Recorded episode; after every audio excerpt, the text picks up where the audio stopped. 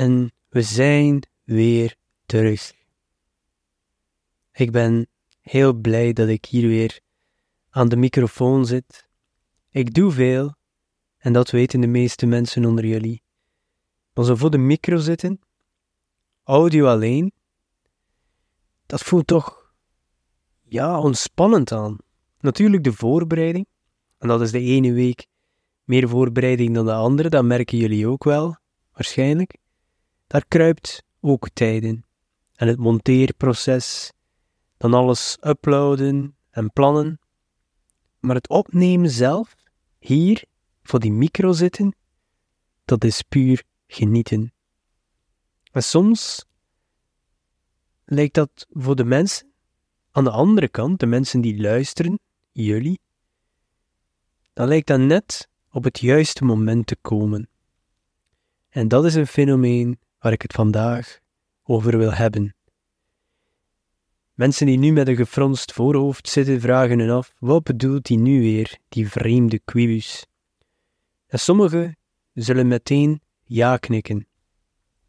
Ik krijg soms berichten van mensen dat een bepaalde aflevering of een bepaald onderwerp net op het juiste moment voor hen uitkwam. Net op die dag of in die week maakte zij iets mee waarover ik praatte. Op het werk, of in de familie, of met vrienden.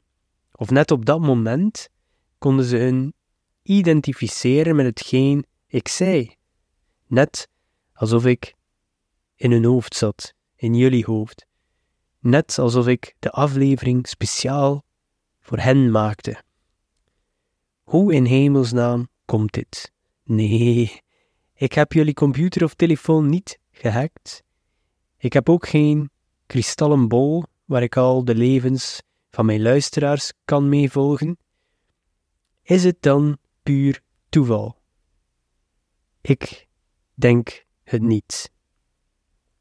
In de media wordt het tegenwoordig alleen maar meer gepolariseerd, of zo lijkt het toch. Er wordt schijnbaar alleen nog maar geschreven en tv gemaakt over onze verschillen. Over meningen die zo ver uit elkaar staan dat we alleen nog maar verder van elkaar drijven. De verschillen tussen man en vrouw.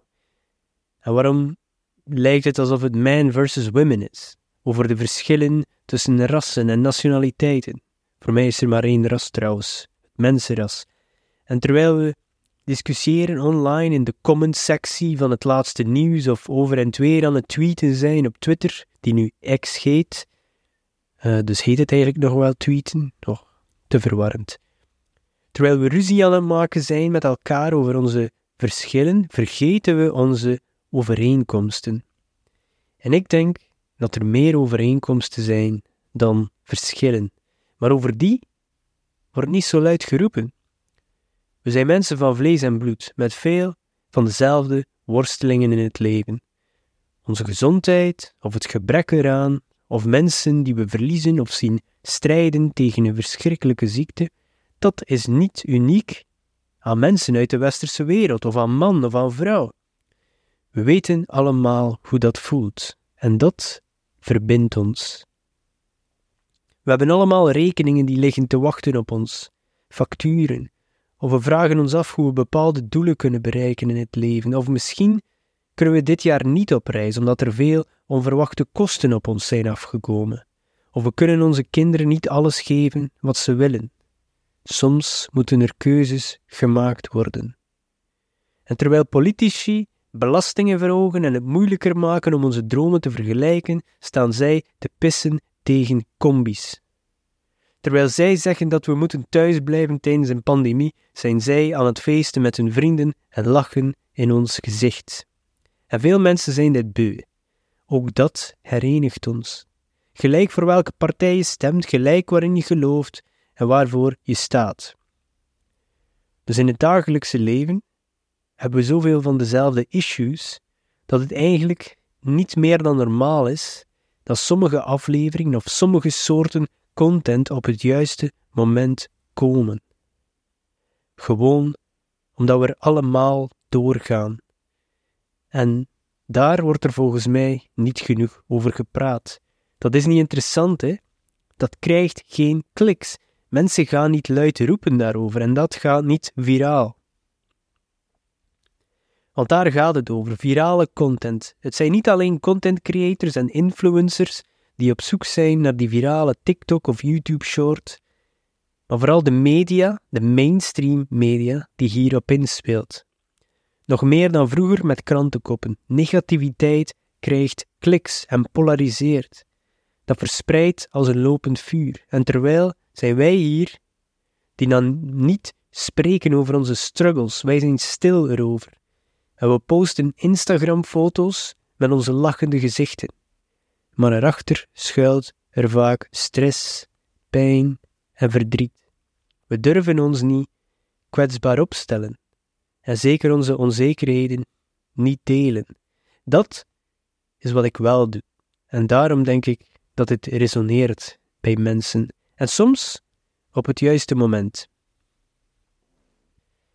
Die overeenkomsten van worstelingen werd een aantal weken, misschien op dit moment al maanden, terug goed aangetoond door het liedje The Rich Man North of Richmond van Oliver Anthony.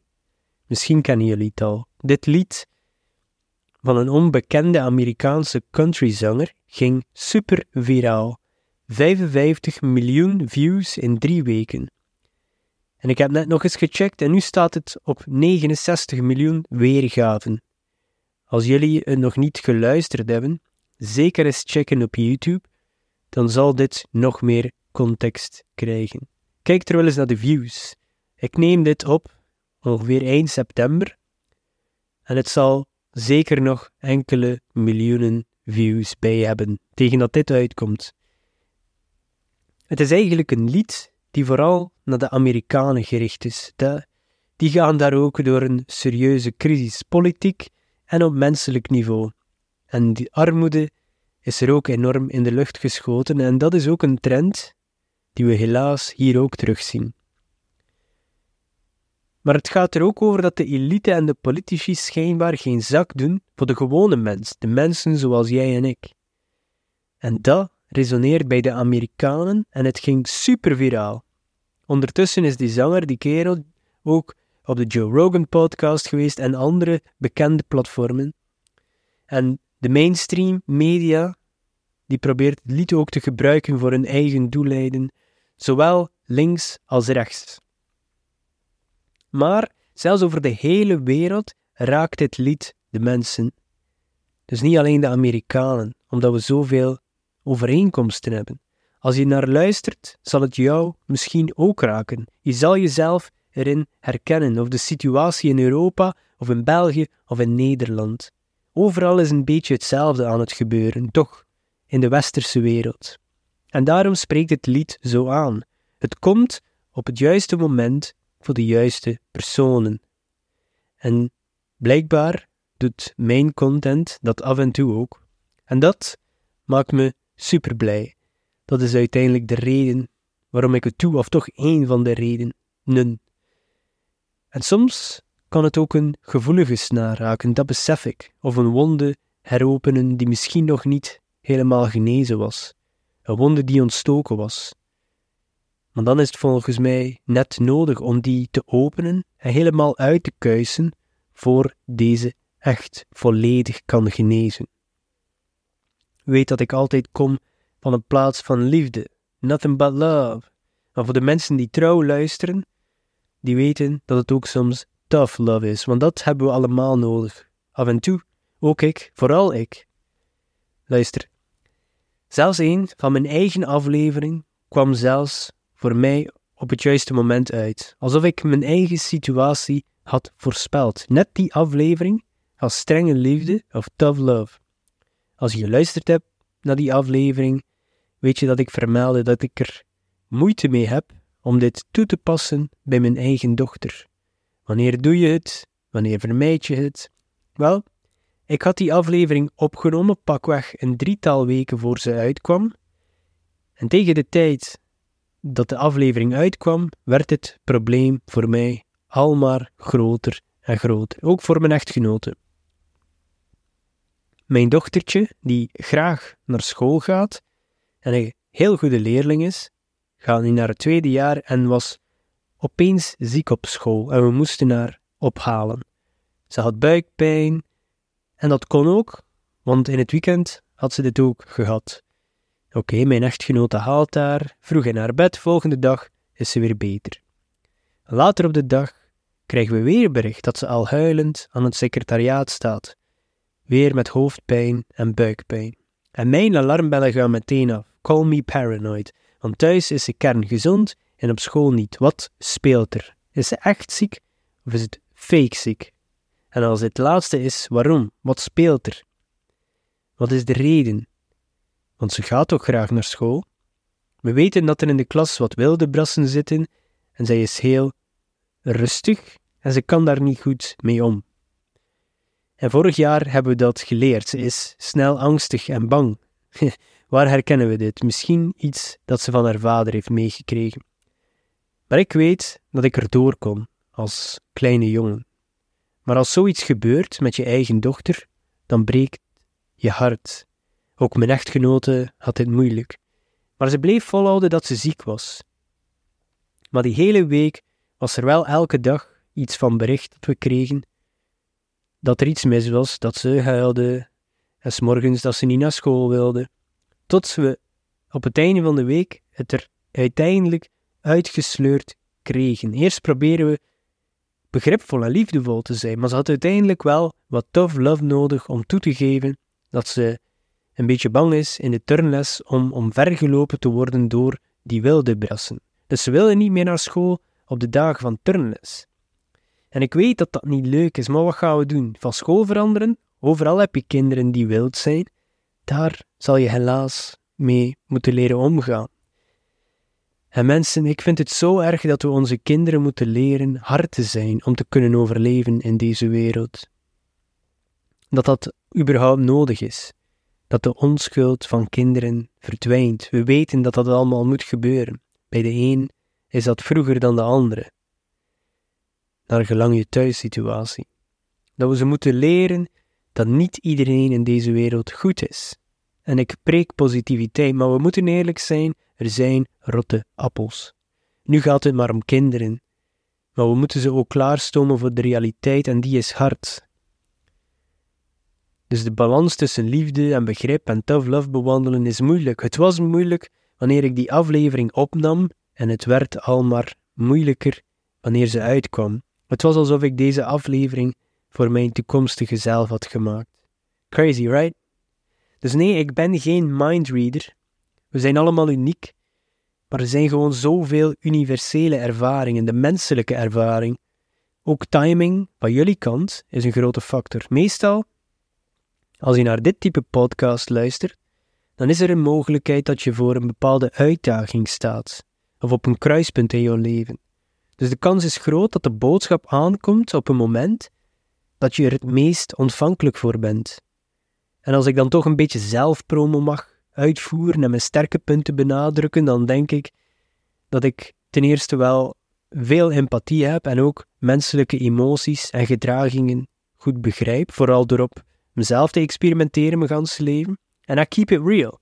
Eerlijkheid en openheid, dat is wat je hier krijgt. En dan heb je ook serendipiteit. Ken je wel Serendipity, die film? Soms is het gewoon toeval dat een bepaalde aflevering precies op het juiste moment komt. Het leven is vol onvoorspelbare gebeurtenissen en soms lijnen die op een bijzondere manier uit. Dus je bent niet alleen op deze reis. We worstelen allemaal, we groeien allemaal. En het mooie is dat we dit samen kunnen doen. Lieve luisteraars, soms lijkt het leven vol toevalligheden te zitten. Momenten van serendipiteit die ons precies brengen waar we moeten zijn.